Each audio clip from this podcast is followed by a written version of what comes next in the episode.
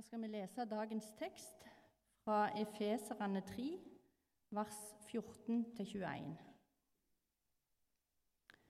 Bønn om styrke og innsikt. Derfor bøyer jeg mine knær for Far, Han som har gitt navn til alt som kalles Far, i himmel og på jord. Må Han som er så rik på herlighet, gi deres indre menneske kraft og styrke ved sin ånd. Må Kristus ved troen bo i deres hjerter, og dere står rotfestet og grunnfestet i kjærlighet. Må dere sammen med alle de hellige bli i stand til å fatte bredden og lengden, høyden og dybden, ja, kjenne Kristi kjærlighet, som overgår all kunnskap. Må dere bli fylt av hele Guds fylde han som virker i oss med sin kraft og kan gjøre uendelig mye mer enn det vi ber om og forstår. Ham være ære i Kirken, i Kristus Jesus, gjennom alle slekter og evigheter. Amen.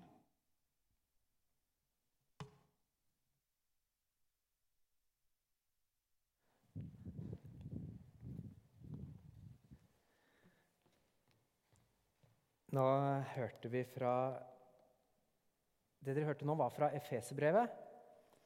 Eh, og Paulus skriver der til menigheten i Efesos. Men egentlig, altså siden ordene 'i Efesos' mangler i de eldste håndskriftene, så, så kan Efeserbrevet også opprinnelig ha vært et sånt rundskriv med åpen adresse. Og det betyr jo at det er til oss alle. Og det er jo for så vidt hele Bibelen, hele, alle brevene. Men det er jo kanskje enda tydeligere at dette var til alle de kristne. Paulus han har betydd veldig mye for kirkens historie. Fra veldig tidlig i kirkens historie og helt fram til i dag. Og her skriver han Jeg bøyer mine knær for Far, Han som har gitt navn til alt som kalles far i himmel og på jord. Og Dette er en mann som er overbevist om at Gud er sann.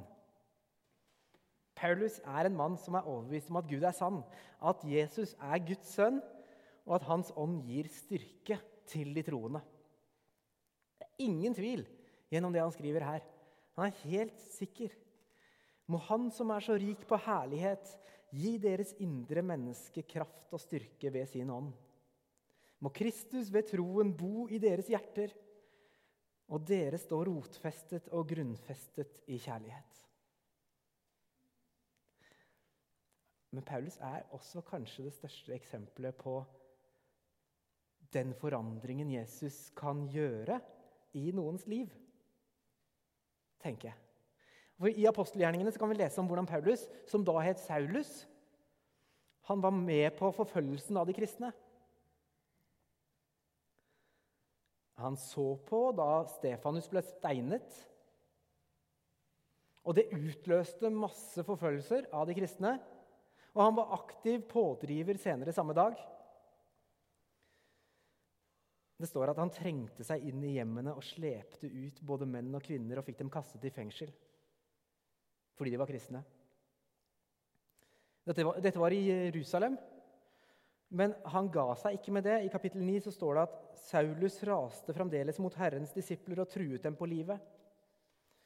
Han gikk til øverstepresten og ba om brev til synagogene i Damaskus for å kunne finne dem, finne dem som hørte til veien, både menn og kvinner, og føre dem i lenker til Jerusalem.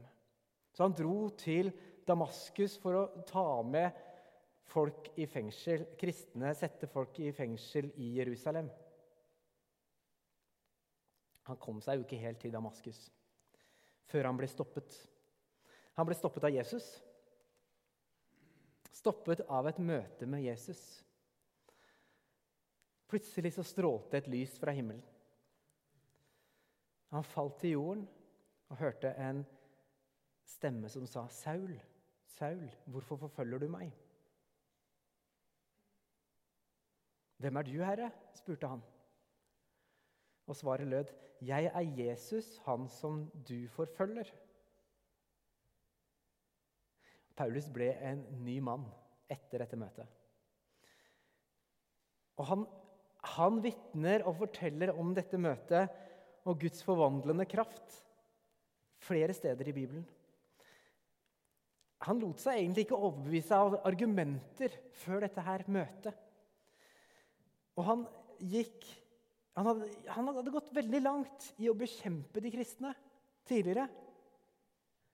Men etter et møte med Jesus så måtte han snå snu 180 grader og gå sammen med de kristne.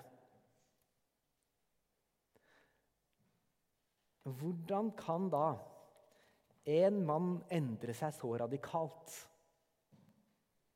Hvordan kan man komme tilbake da, og vinne tillit blant de han hadde forfulgt? Det kan ikke ha vært så lett. Og hvordan kunne han selv leve med dette her? Altså at han hadde tatt så feil. Det er også en ting.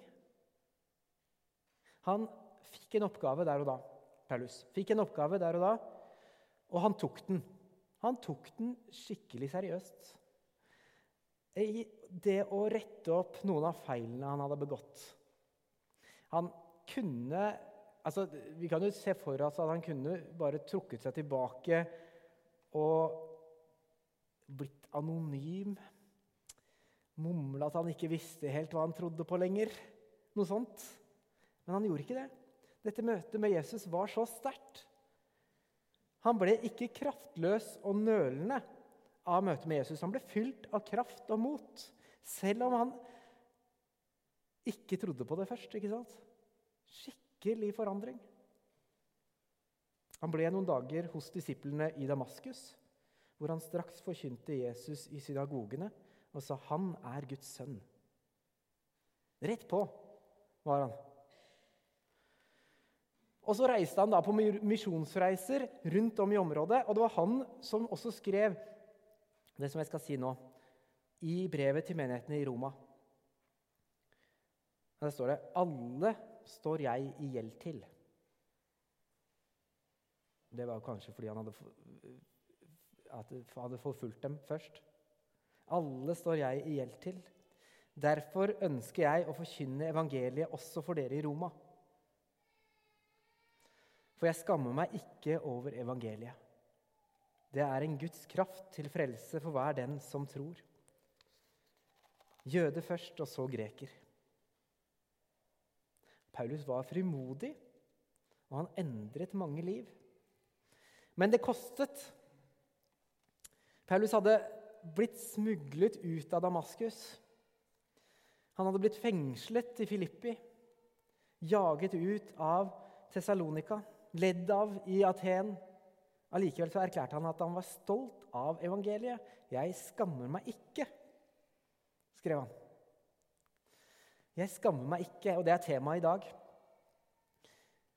Og det utfordrer oss alle, tipper jeg. Lite grann, i hvert fall. Noen mer enn andre. For er det sant for oss? Er det sant for oss? Jeg skammer meg ikke over evangeliet. Skammer vi oss ikke over å tro på Jesus? Noen ganger kan det virke som om vi gjør det. Eh, jeg har hørt en si at mange kristne er som ubåter. Hver søndag så dykker de opp i et par timer, og så deretter så forsvinner de og blir borte resten av uka. Er det sånn? Steven Krüger var en australier som, som, besøkte kristne i Irak mens ISIS herjet for noen år siden.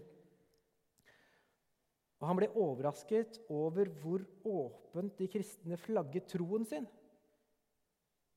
Hvor stolte de var. Kors er overalt, skrev han. Dingler, de dingler fra bakspeil. De henger på armbånd rundt håndleddene. Jesus-statuer står høyt, festet i toppen av husene. Mindre enn 14 km fra de nådeløse krigerne til ISIS. Bare få minutter fra folk som ikke ville nøle med å brenne dem levende, valgte kristne stolt å kommunisere 'Jeg er med ham'. 'Jeg ble skamfull', skrev Steven. Jeg skjønte at mens jeg som kristen i Australia har større risiko for å bli drept av en kokosnøtt som faller ned, enn av en ekstremist, så er jeg likevel ikke hver dag villig til å vise at jeg tror på Jesus. Og Så skriver han videre våre brødre og søstre i Irak trenger ikke å vise korsene i bilene sine, eller på balkongene eller på håndleddene. De trenger ikke å male nasarenerskiltet på inngangsdørene. Faktisk så ville vi raskt tilgitt dem for å holde en lav profil. Men de velger å gjøre dette. De skammer seg ikke for å gjøre dette kjent. Hva med deg, skriver han. Jeg vet ikke om det utfordrer deg like mye som meg, skrev Steven. Hva med oss? Skammer vi oss over evangeliet, eller skammer vi oss over, å være kjent som kristne? Er vi redde for å bli avvist eller latterliggjort av andre? Flaue kanskje noen ganger. Noen ganger kan du være flau eh, over å ikke leve opp til kanskje de verdiene som vi setter så høyt, og det som Jesus ber oss om.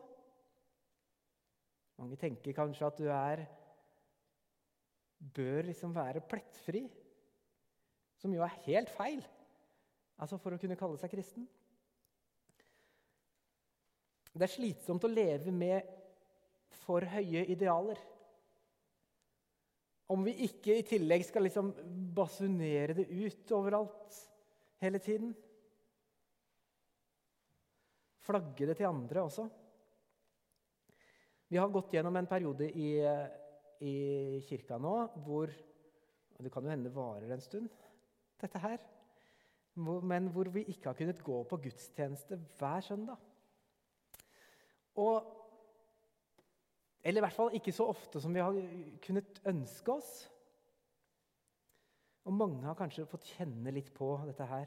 Hvordan står det egentlig til med troen min når jeg må være liksom mer alene med den? Hvor dype er røttene mine? Har de vokst, eller har de trukket seg tilbake gjennom denne tiden?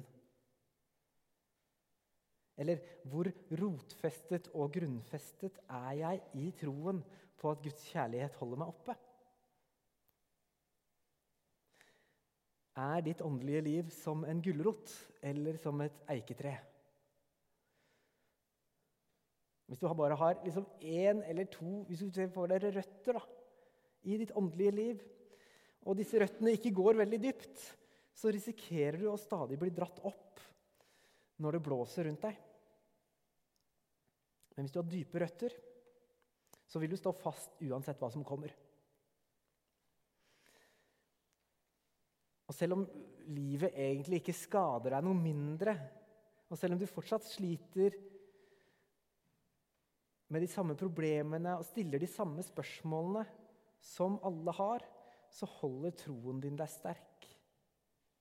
Hvis du har dype røtter. Du møter usikkerhet med mot, og lidelse med håp, og nedturer med tillit, fordi røttene dine går dypt. Livet rammer oss forskjellig, men eh, uten et sikkert fenomen så vil vi bli kastet rundt av omstendighetene rundt oss. Et liv forankret i Jesus gir noe som er gull verdt. Og gir velsignelse og næring til andre også. Og da blomstrer vi fordi han virker i oss med sin kraft.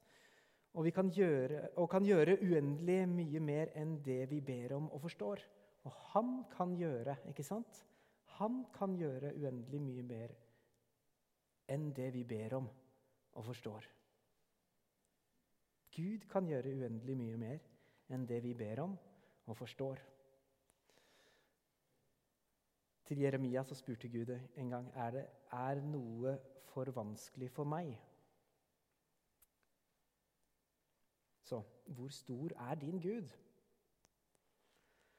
Hvis han, hvis Gud kan gjøre vann til vin,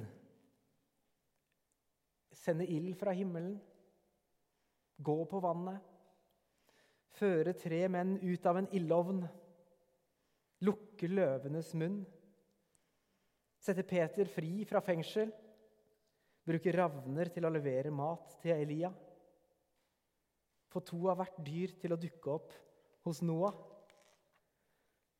Bruke noen småsteiner og en gjetergutt til å beseire en krigerkjempe. Redde Josef fra en brønn, gjennom fengselet og sette han i palasset. Roe voldsomme stormer. Fylle garnene til mislykkede fiskere. Få en lam mann til å danse. Og møte Saulus og gjøre ham til Paulus. Ta en gruppe med for det meste fattige, redde og motløse mennesker og døpe dem med Den hellige ånd og bruke dem til å snu verden på hodet. Hvis han kan gjøre alt dette, så er det ingenting han ikke kan gjøre. Han kan åpne havet, stoppe solen og reise opp de døde. En så stor Gud har vi. Han kan helbrede enhver sykdom. Få lamme til å gå, blinde til å se og døve til å høre, og få stumme til å snakke. Gud kan gjøre alt. Og også, tenker jeg, det som kanskje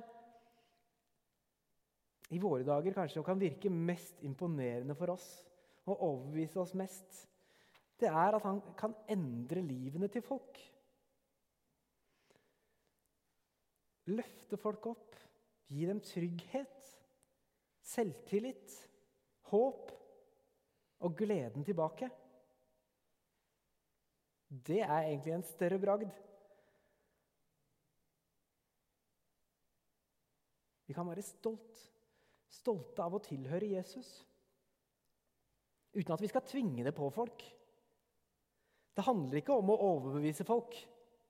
Det handler om å formidle gode nyheter som gir liv. Liv til trøtte sjeler. Liv til slitne mennesker. Det er gode nyheter som gir håp til de som mangler håp. Det er en beskjed som tenner lys i mørket. Jesus lever i dag, og han er en kur mot døden. Han redder oss fortsatt. Han tar døde ting og gjør dem levende. La oss ikke være så redde for å vise at vi tror på Jesus. La oss hjelpe hverandre med å få fram de gode historiene om hvordan Jesus gjør en forskjell i livene våre. Og da vil det også bli lettere å oppdage hvordan han går sammen med oss i hverdagen. Og denne stoltheten og gleden den tror jeg er smittsom på en naturlig og positiv måte. Jeg skammer meg ikke over evangeliet. Det er en Guds kraft til frelse for hver den som tror. Ære være Faderen og Sønnen og Den hellige ånd som var, er og blir en sann Gud fra evighet og til evighet.